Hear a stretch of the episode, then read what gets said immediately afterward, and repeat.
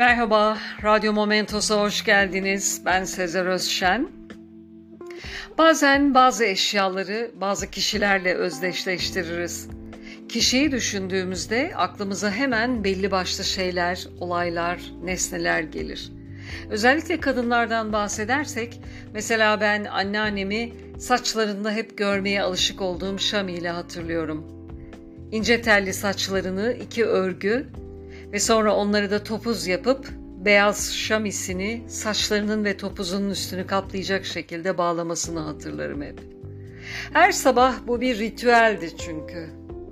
Bu arada şami kelimesini duymayanlarınız için yerel Türkçe'de anlamı Yemeni başörtüsü diye kullanıldığını açıklamış olayım. Bu yayında Meksikalı arkadaşım Paulina'nın benimle paylaştığı hikayeyi aktaracağım.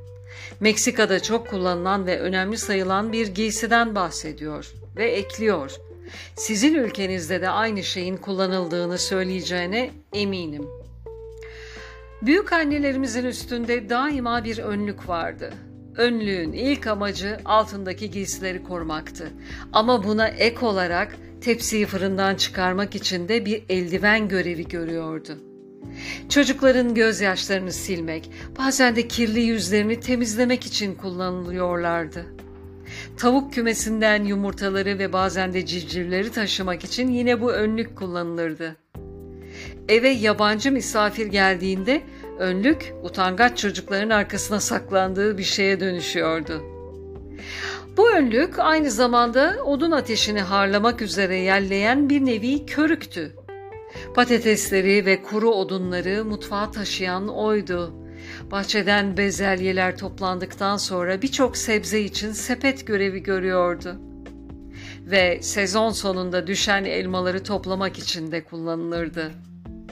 Temizlik yapmaya fırsat bulamadan sürpriz ziyaretçiler geldiğinde ise bu önlüğün tozu şipşak ve hızlıca temizlediğini görmek şaşırtıcıydı.''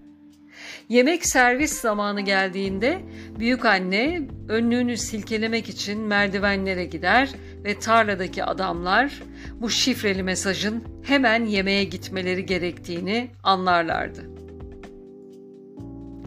Büyük anne ayrıca elmalı turtayı fırından çıkarır çıkarmaz soğuması için pencere pervazına koymak için de kullanırdı herhangi bir icat veya nesnenin yıllardır süre gelen önlüğün yerini alması uzun yıllar alacak.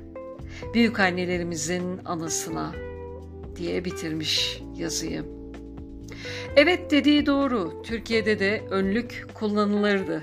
Şimdilerde pek olmasa da. Bazı nesneler gerçekten göz alışkanlığımızla fark etmediğimiz bir mesafededir. Ancak birisi anlatınca sahneler gözümüzde canlanır ve yazının sonunda da söylediği gibi başka bir icat veya eşyanın onun yerini alması zaman alır. Sevgili Paulina'ya bu hoş anekdotu paylaştığı ve sizlere de dinlediğiniz için teşekkürler. Hoşçakalın, Momentos'la kalın.